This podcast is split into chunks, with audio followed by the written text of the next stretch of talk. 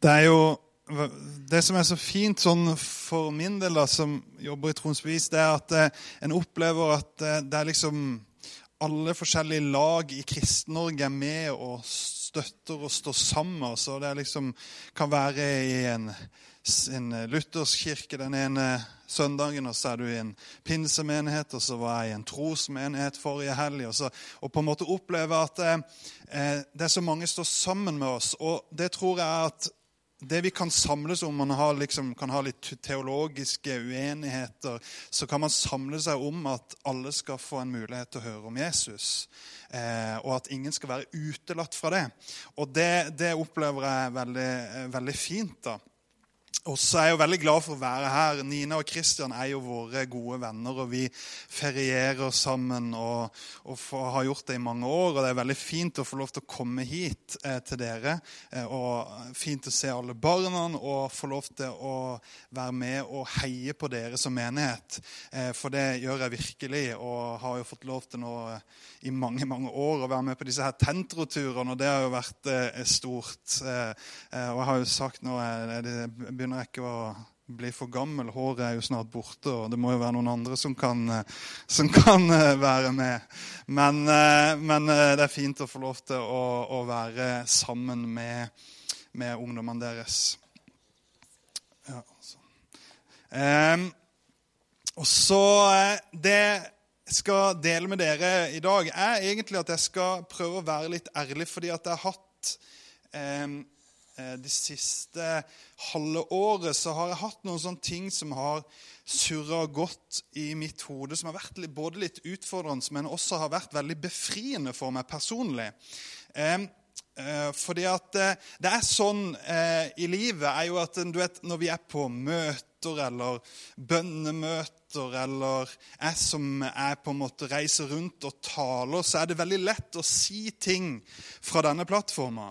Det er veldig lett å si ting på et bønnemøte som f.eks. at alt er mulig for Gud, eller å si på et bønnemøte at det to og tre blir enige om i Hans navn, det vil Han gjøre.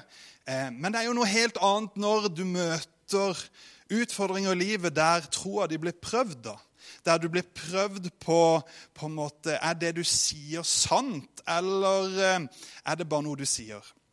Eh, og vi, eh, I mai eller april i år så eh, fikk vi beskjed og vi har jo Camillas pappa Ole Kristian han har vært veldig veldig syk og har hatt leukemi og har leukemi. og Vi fikk beskjed egentlig i april-mai at eh, han hadde bare måneder igjen å leve. Og da ble det sånn for meg personlig, da, for jeg reiser jo verden rundt og på en måte forkynner evangeliet. Og jeg er jo en, jeg vil kalle meg sjøl en trospredikant. Det er ikke sikkert andre vil kalle meg det, men jeg kaller meg i hvert fall. Men jeg liker å tale tro, da. Og det skal jeg gjøre i dag òg. Eh, vi skal ikke grave oss ned. Men jeg har lyst til å ta deg med på min, min reise i det. For det var på mange måter litt eh, utfordrende. Og det, det, på en måte, du må møte deg sjøl noen ganger i livet. Og Da fikk vi beskjed med Ole Kristian eh, og legen sa at han hadde måneder igjen å leve. Eh, og, og, da får du på en måte, Han har vært syk i mange år, og vi har bedt lenge, og vi ber fortsatt. Og, og da på en måte møter du deg i døra på en måte Det du sier, er det sant? Det du forkynner, er det sant? Det du ber om, tror du virkelig på det du ber om? Og der hadde jeg noen, eh, noen reiser i mitt liv i forhold til på en måte eh, det å stå på en plattform og samtidig kanskje inni seg ikke helt klarer å tro at det du ber om, skal skje. Og, og så er det sånn at eh, jeg tror jo at man kan bli helbreda fra alle ting. Eh, jeg tror at Ole Kristian kan bli helbreda. Eh, men er samtidig realist. Og Det tror jeg er viktig å være òg, for eh, vi må forstå at vi lever i den verden vi lever i. Vi lever i en døende verden. Vi lever i en verden der det er sykdom og smerte. Men samtidig så har jeg for mitt eget liv tenkt sånn at eh, går det an å på en måte kombinere de to? Eh, går det an på en måte Jeg har vært der at liksom Ja, jeg tror, men jeg tviler også. Eh, og det jeg har lyst til å prøve denne formiddagen, er å ha deg med på en reise der jeg tror mange av oss er da. Men jeg tror det er viktig at troen vår trumfer tvilen. Det er egentlig det det handler om.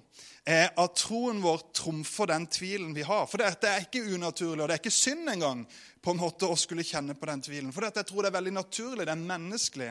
Eh, og Jeg har lyst til å ta og begynne med i 1. Samuels eh, bok, kapittel 17, vers 37. Så er det David som skal gå imot Goliat. Og dette bibelverset har jeg brukt mange ganger før, men, men der er det en der er det jo liksom David som skal gå, gå imot denne kjempen fra Gatt, og alle er jo livredde eh, for eh, denne kjempen, og alle stikker av gårde. og Det har vi sikkert kjent på noen av hver av oss, at vi har løpt fra problemene våre. Eh, men eh, David han sier, eh, eh, sier at 'Herren som har berget meg fra løve og bjørn', han skal også berge meg fra denne filisteren. Og Denne setninga her har på en måte prega meg veldig mye, spesielt i det som, som vi eh, har vært i som familie. Fordi at David han sier jo her at Gud har hjulpet meg før, og han kommer til å hjelpe meg igjen. Og det som er interessant er jo hvorfor sier Han sier at han har hjulpet han mot løve og bjørn. Og Jeg er helt overbevist om at David hadde helt sikkert opplevd flere ganger at det har kommet rovdyr og tatt en eller flere av sauene hans sine. Det er jeg helt sikker på. Det må han ha opplevd. At han har opplevd at det har forsvunnet noen, rov, eh, noen, noen sauer. Men allikevel, han holder seg ikke fast ved det. Han stopper ikke der, men han holder fast ved seieren. Han holder fast ved at Gud har hjulpet ham før. Og der tror jeg vi fort kan bli, da. Og jeg kunne fort bli liksom Ja, men jeg har sett mennesker med kreft dø før. Så da kommer han nok til å dø. Henger det med på bildet, eller tanken min? Men David han snur på en måte opp ned på dette. Og Han sier at 'jeg vet at Gud har hjulpet meg før', og han kommer til å hjelpe meg igjen. Så han holder fast ved at Gud, som har hjulpet før, kommer til å hjelpe igjen. Og Der tror jeg vi kan dra inn i alle våre situasjoner i vårt eget liv. At våre dårlige, dårlige, dårlige erfaringer må ikke prege de valg vi tar. For vi har alle dårlige erfaringer. Og jeg kan ikke forklare hvorfor ting har skjedd. Hvorfor ble ikke den helbreda? Hvorfor skjedde det ikke sånn? Hvorfor skjedde det ikke sånn når vi ba der? Hvorfor ble det ikke sånn som vi trodde og håpa på? Det har ikke jeg alltid et godt svar på i alle situasjoner. Men jeg tror det er viktig allikevel å kunne gjøre som David og holde fast ved seieren. Og holde fast med at Gud kan, og han vil. At Gud har hjulpet meg før, og han kommer til å hjelpe igjen. Og så er jeg privilegert, da. Fordi jeg har sett mange mirakler. Jeg har sett blinde få syn igjen. Jeg har sett døve begynne å høre. Jeg har sett helbredelser, jeg har sett mirakler. Jeg har sett på en måte tegn og under. Og ofte så kommer mange eller mange jeg prater med, sier ofte til meg sånn at ja, Hans Martin, det er jo veldig lett for deg å tro på disse tingene. For du har sett det. Det er veldig lett for deg som på en måte Du jobber med det du jobber. Hallo, jeg, liksom, eh, jeg, jeg jobber som snekker. altså Du reiser til Afrika. Det er veldig enkelt for deg å si disse tingene. Og på en måte så kan du si det, men samtidig, selv om jeg har sett så kan jeg allikevel kjenne på tvil i situasjoner. I ting som jeg står i, så kan jeg kjenne på den samme kampen. Men jeg tror at det handler ikke nødvendigvis alltid om erfaringer. Men det handler om tro. Og tro, det handler om å tro på det du nødvendigvis ikke har sett. Det du ikke har på en måte erfart. Men du velger å stole på at Gud er Gud i gode og i onde dager, i storm og i glede og handler om å holde fast ved Gud. Og Så er det en historie i Markus kapittel 10 og vers 46 52. Eh, der er det at eh, Jesus han eh, reiser inn i byen Jeriko. Og Han er sammen med disiplene sine. og Så er det denne blinde mannen Bartimeus som sitter langs veikanten. Og Tenk på det. Denne blinde Bartimeus Han hadde ikke sett noen ting. Han var blind, så det er jo ganske opplagt. Han hadde ikke sett så veldig mye. Men han sitter der på en måte langs veikanten. Han hadde mest sannsynlig hørt noe om Jesus. Han hadde nok hørt noen rykter om denne Jesus fra Nasaret som gjorde tegn og under og mirakler. Men han hadde aldri sett det. Han hadde aldri erfart det. Men så kommer Jesus inn til byen. Og Bartimeus sitter langs veien der, og så hører han helt sikkert Oi, nå kommer denne Jesus. Nå kommer denne Jesus. Og så kommer Jesus forbi, og da roper Bartimeus på Jesus at Jesus må komme til ham.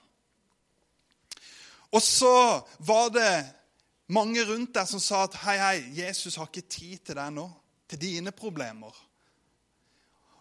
Og Det har jeg jo tenkt på mange ganger, og det tror jeg på en måte vi fort kan ta og si. altså, hvordan Gud kan jo ikke bruke tid på mine små problemer. Hallo, Det er jo krig i Ukraina, det er sult i verden. altså, han kan jo liksom, Skal han komme til meg? Så blir vi nesten sånn at vi, vi tør ikke å komme til Han med det vi bærer på, med våre utfordringer. For det, det er jo klart at i det store bildet så er det bagateller. Men sannheten er jo at hos Jesus så kan vi komme med alle ting. Uansett hva det er, og hva vi bærer på. Og når denne, denne Bartimeus de sier at han har ikke tid til det, du må være stille, så roper han jo bare enda høyere. Jesus, kom bort til meg. Og så kommer jo Jesus bort til ham. Og For meg så er det veldig fascinerende, for han hadde jo ikke sett Jesus gjøre mirakler. Han hadde ikke erfart Jesus gjøre mirakler, men han velger å holde fast på at kanskje det er mulig. I Han har en tro som egentlig er en ganske enorm tro, for han, han, og han trosser mange på en måte barrierer der andre sier du må være stille, har, han har ikke tid til deg, du, du kan ikke gjøre det nå. Så velger han allikevel å rope på noe som han ikke har sett, som han ikke har erfart. Og så, når han da roper, så kommer Jesus bort, og Jesus helbreder han og gjør han frisk.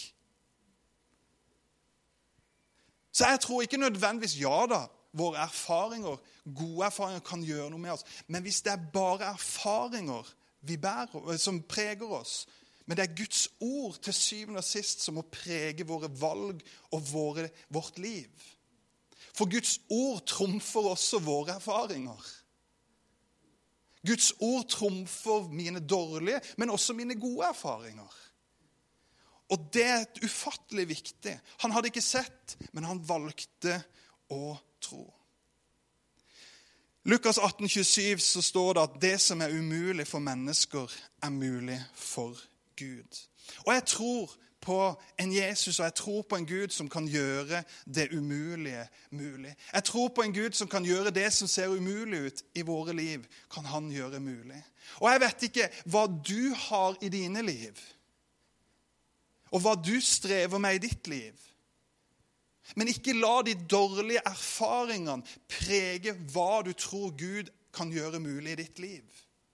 Men la Guds ord prege valgene dine, og la Guds ord styre ditt liv i forhold til hva Gud kan gjøre. For Gud kan gjøre det umulig mulig.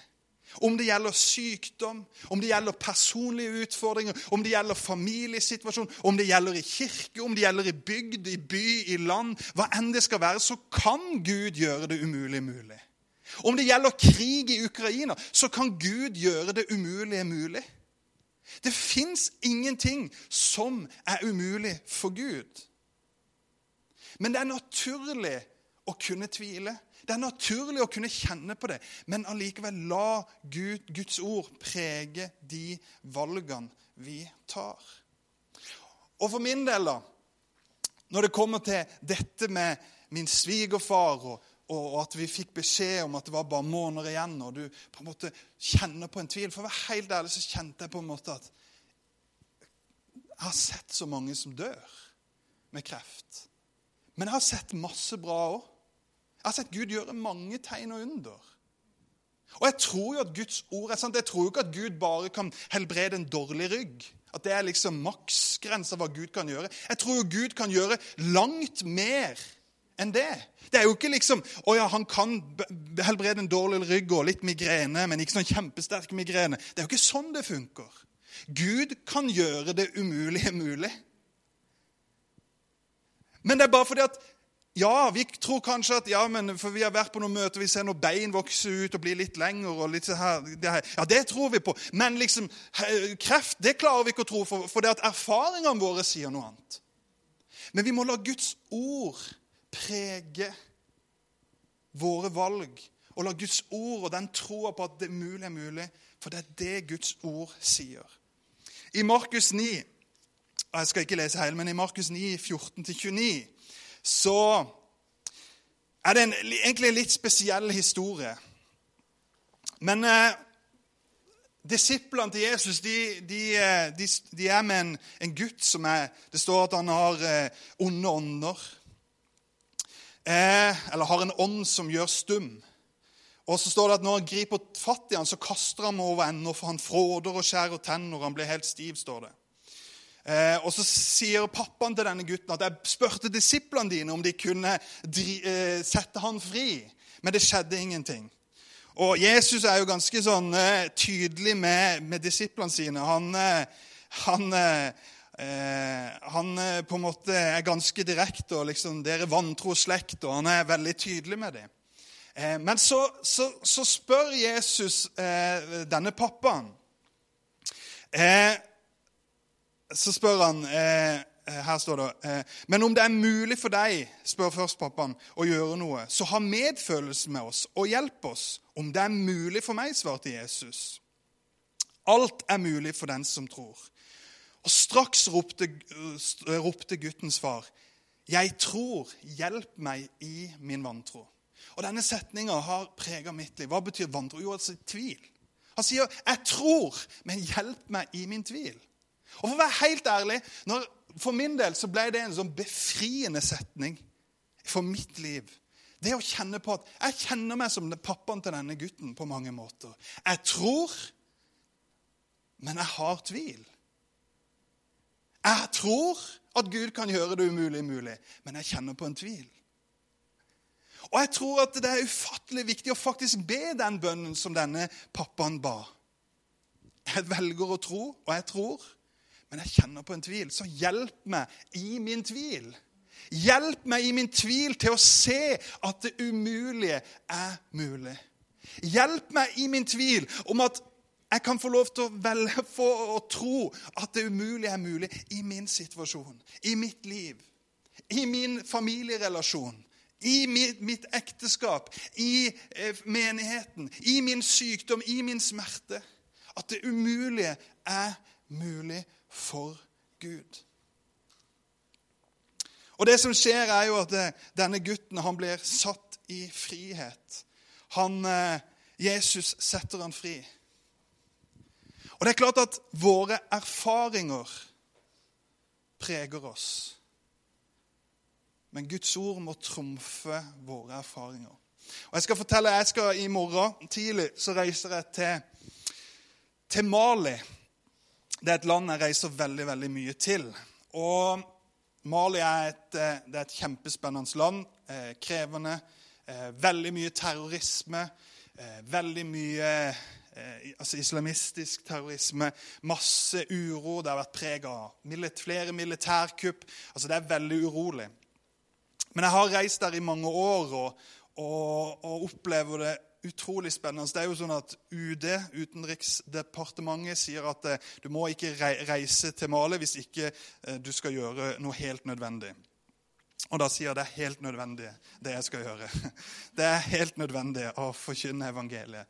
Men eh, så, så får jeg lov til å reise dit. Og eh, i mars så, så, hadde, så, har jeg sånne kampanjer. det høres jo, Men det er jo store møter der vi inviterer mennesker til å komme og høre evangeliet om Jesus. kort fortalt. Eh, og I mars så hadde jeg eh, en kampanje i Mali. Og da var det sånn at det er sånn at Vi har fire kvelder, og så har vi lederseminar på dagtid. Eh, og det er klart at eh, det er ikke, det er ikke femstjerners hotell, for å si det sånn. Det er Fem Steiner-hotell. Eh, det, det, det, det, er liksom ikke det, er ikke det store, da, når du kommer ut i disse landsbyene. Men i hvert fall så, så var det sånn at du, etter du har vært der en god stund, så kjenner du at du gleder deg til å komme hjem og få ordentlig mat. Og på en måte få ei god seng og litt aircondition og sånne ting. Men i hvert fall så var det siste kvelden, da. Eh, hver kveld, så Alle kveldene, eh, kveldsmøtene ble sendt på radio. Og siste kvelden, så når jeg var ferdig, da er det alltid sånn jeg gir mulighet til at mennesker kan ta imot Jesus, og vi ber for syke. Eh, det gjør vi alltid. Og Det var masse folk som tok imot Jesus, masse folk som ble helbreda. og Det var liksom en, en, bra kampanje som var ferdig. Og Jeg skulle til å gå og sette meg i bilen, og vi skulle kjøre eh, tilbake til hovedstaden. Men så plutselig så, så, så er det akkurat som en sånn eksplosjon av jubel som skjer når jeg liksom går til bilen, og folk jubler. og, og, og på en måte, altså Ikke sånn som når dere jubler i Konsumo, men altså afrikansk jubel og begeistring. Sant? Dere fra Konsumo vet jo ikke om dere, om dere er sinna eller glad når jeg ser på det. Mens en afrikaner når han er glad, så vet du det. på en måte. Og De begynte liksom å danse, og de tok liksom eh, piano over hodet og dansa trommene. og liksom, Det bare tok helt av gårde. Stolene løfta de over hodet. De bare dansa begeistring. Og de liksom sa, sa, ropte på ham, 'Du må komme og høre dette.' Og så sier de 'Vi må fortsette møtene'. Og da tenkte jeg nei, det gidder jeg ikke. Jeg orker ikke. Nå, nå, nå vil jeg hjem. Nå, nå gidder jeg ikke. Men så sier de jo, vi må fortsette. Eh, så sier jeg ja, hvorfor det? Jo, du skal høre nå. Og så var det tre unge jenter i 20-årene som kommer opp eh, og, eh, på, på, scenen og forteller. Og, og, så forteller de at eh, for en uke siden så ble vi kidnappa av, av, islamistiske terrorister. Og Vi skulle bli solgt som slaver eller prostituerte. Og disse var kristne, disse tre, jentene. Og så forteller de at vi ble kidnappa. De tok oss langs veien og putta oss inn i en bil og kjørte oss til et sted der vi ble satt i et eh, fangeskap i et hus. og De låste dørene, og det satt bevæpna vakter utenfor. Og så forteller de at Men det de syntes var så rart, det var det at hver eneste kveld så hadde disse, fang, disse islamistiske terroristene de hadde på radioen. Og hver eneste kveld så, så, så hørte de på møtene fra kampanjen. Og siste kvelden så jeg, jeg gjør ofte det da, så, så taler jeg ofte om at Jesus setter fanger fri. Og det gjorde jeg den kvelden, siste kvelden. Og så forteller de at når du er ferdig å tale, så kommer de inn til oss og så sier de at Jesus sier at vi må sette dere fri. Så dere må gå. Og så kommer de løpende til stedet der og forteller på en måte hva som hadde skjedd. og Det, bare, liksom, det var da begeistringa kom, og vi måtte fortsette. Jeg må opp og dele enda mer. og jeg tenkte liksom, det, liksom, Men det var fantastisk bra. Og det som skjedd, har skjedd, da, det er det at seks av disse islamistiske terroristene har tatt imot Jesus. Og en av de er det man kaller en celleleder for på en måte et distrikt. Og det for meg viser bare igjen at Jesus kan gjøre det umulige mulig. Altså hvis han, kan gjøre, hvis han kan frelse islamistiske terrorister, så kan han frelse både naboen din og barnebarnet ditt. Og barna dine. Til og med han der naboen du syns er litt irriterende, han tror jeg til og med han kan frelse. Altså, Gud kan gjøre det umulige mulig. Og For meg setter det det også noe i perspektiv. Hvordan at Gud kan og han vil. Og For meg så handler det om ja, jeg kunne ha kommet med dårlige erfaringer. Jeg kunne sagt at jeg har opplevd, jeg har bedt for kameraten min, eller bedt for han, og det har ikke skjedd noe. Men jeg kan også løfte fram at Gud han har gjort før, og han vil gjøre igjen. Ja da, Gud Jeg kan ikke forklare alt. Men det jeg kan, det er å holde fast ved Guds ord og holde fast ved Guds løfter. Og si at ja, for mennesker er det umulig, men for Gud er alt mulig.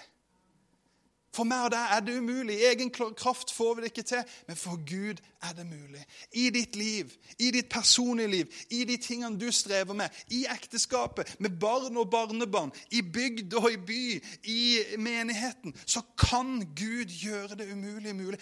Han kan snu menneskers hjerter. Han kan sette mennesker fri. Han kan røre med mennesker. Ja det er naturlig å kjenne på at vi tviler. Men da kan vi si til Gud, 'Hjelp meg i min tvil', men jeg velger å tro. Ja, jeg klarer ikke å se alt klart, men jeg tviler lite grann. Men hjelp meg i min tvil. Men jeg velger å tro. Og det er det det handler om i alle situasjoner. Å si ja da, jeg kjenner på det noen ganger, men jeg velger å tro. Jeg velger å holde fast med at Gud kan gjøre det umulige mulig. Og nå skal jeg hvert øyeblikk avslutte. I Salme 33, 33,9 så står det noe som jeg syns er fantastisk bra. For der står det at han talte, og det skjedde. Han befalte, og det sto der. Og det er sånn Gud er. Han taler, og det skjer. Han befaler, og det står fast. Guds løfter står fast. Det er jo det de synger i disse gamle sangene. Løftene kan ikke svikte. Nei, de står evig fast. De står fast til evig tid. Uansett, Det påvirkes ikke av mine erfaringer. Guds løfter står fast, for det mine erfaringer kan være både der eller der. Eller hvordan følelseslivet mitt er. Eller om jeg opplever at jeg er på toppen av en dal, eller om jeg er nede i bunnen. Så står Guds løfter fast uansett. Han er den samme i går, i dag, til evig tid. Det er jo ikke bare en floskel vi sier. Hvor mange, mange bønnemøter har vi ikke vært på? Det har blitt sagt. Han er den samme i går, i dag Det er til og med en sang, men, men vi sier jo det. ikke sant? I går til, og i dag til evig tid. Det er ikke en floskel, men det er en sannhet. Guds ord er levende og sant. Når han taler, så skjer det. Og når han befaler, så står det fast. Og det fins ingenting som er umulig for Gud. Ja da, vi lever i en døende verden. Ja da, det kan godt hende at min svigerfar kommer til å dø. Men jeg velger å tro. Og så får Gud hjelpe meg med min tvil. Jeg velger å tro at Gud kan gjøre det umulig mulig i mitt personlige liv. Ja da, jeg har min tvil. Men Gud hjelper meg i min tvil. Men jeg velger å tro. Ja da, det kan godt hende at du kjenner på at eh, du, du, du har litt tvil i forhold til hvordan skal det gå med menigheten. Og bare sier NH, da. Og det var så mye bedre før. Det kan vi jo alltid kjenne på. Alt var jo bedre før. Jo eldre vi blir, jo bedre var det før. Det er rart. Men allikevel så kan vi si ja, Gud, hjelp meg i min tvil. Men jeg velger å tro at du kan gjøre det som er nå, bedre enn det har noen gang vært. At du ønsker å frelse dette stedet, det står fast. Det endrer seg aldri. At Gud har omsorg og hjerte for bygda her, det endrer seg aldri. Han er den samme.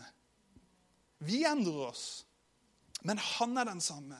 Men vi kan holde fast ved han som kan gjøre det umulige mulig. Gud har hjulpet meg før, og han kommer til å hjelpe meg igjen. Gud har helbreda før, og han kommer til å helbrede igjen. Gud har bringt vekkelse før, og han kommer til å bringe vekkelse igjen. Vekkelse handler om meg og deg. Det handler om oss. Det handler om at vi er villige til å bli brukt av han. Han talte, og det skjedde. Han befalte, og det sto der. Hans løfter står fast til evig tid. Han elsker oss. Han ønsker å møte oss. Han ønsker å røre med oss. Ja, så forstår vi ikke alt. Vi er heldigvis vi forstår stykkevis og delt. Vi forstår ikke alt, vi ser ikke alt, vi skjønner ikke alt. Men det er, så enkel er min tro. da. Jeg velger å holde fast ved Gud og hans løfter. Og så får han forklare meg hvorfor ikke ting ble sånn som jeg hadde sett for meg. Det får vi ta i himmelen. Men nå velger jeg å jobbe og velger å være et redskap i hans hånd der jeg er nå. Og velger å holde fast ved hans løfter. Skal vi reise oss opp, og så skal vi be sammen.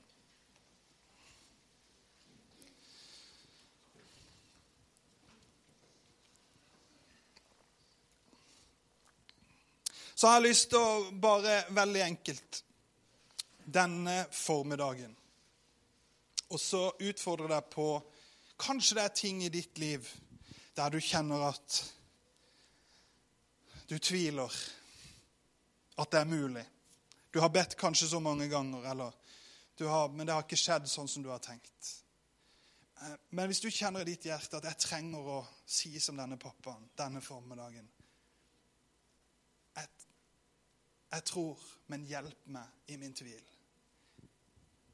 Og Jeg vet ikke hva det gjelder i ditt liv, men vet du noe? hvis du trenger at Gud gjør det umulige mulig i en eller annen situasjon, i et eller annet i ditt liv, så tror jeg at denne formiddagen så kan han gjøre det. Det er ikke bare noe han gjør i Afrika, eller bare noe han gjorde med de første kristne eller på Jesu tid. Men han er den samme. I går, i dag, i morgen og til evig tid. Så kan vi ikke gjøre det sånn at det, Jeg vet ikke hva du har i ditt liv, men hvis det er ting i ditt liv som du trenger at Gud må hjelpe med, kan ikke du bare løfte hånda di der du står? Det er en enkel bekjennelse til Jesus. Det er en enkel bekjennelse at du vet om det, du kjenner alt og du ser alt. Men nå vil jeg bare løfte det framfor deg, Jesus, denne formiddagen så skal jeg be mens du har hånda di løfta, så er det en enkel bekjennelse. Og Jesus han ser deg, og han vet det. Men vi bare takker deg, Jesus, og vi bare priser deg, Herre. Takker deg for det at du vet om alt, og du kjenner alt. Og jeg bare takker deg, Jesus, for at denne formiddagen så kan vi si vi tror, men hjelp oss i vår tvil.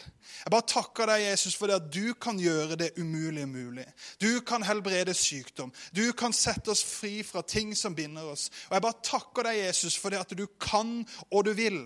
Og jeg bare ønsker denne formiddagen å proklamere ditt navn, Jesus. Ditt navn som er over alle navn. Og Jeg bare takker deg, Herre, for at du ser våre barn og du ser våre barnebarn. Og takker deg for at du kan gjøre det umulig mulig i de, Herre. Og Jeg bare priser og ærer deg, Jesus, for at du er nær, Herre. Du er alltid til stede, og du er her midt iblant oss, Jesus. Ja da, vi kan kjenne på tvilen, og kanskje våre erfaringer sier noe annet, men vi velger å holde fast ved ditt ord, og vi velger å holde fast ved dine løfter. Og Jeg bare takker deg, Jesus, for at akkurat denne formiddagen så kommer du med din helbredende hånd og legger på hver og en som trenger legedom. Og Jeg bare takker deg, Jesus, for at ved dine sår så har vi fått legedom.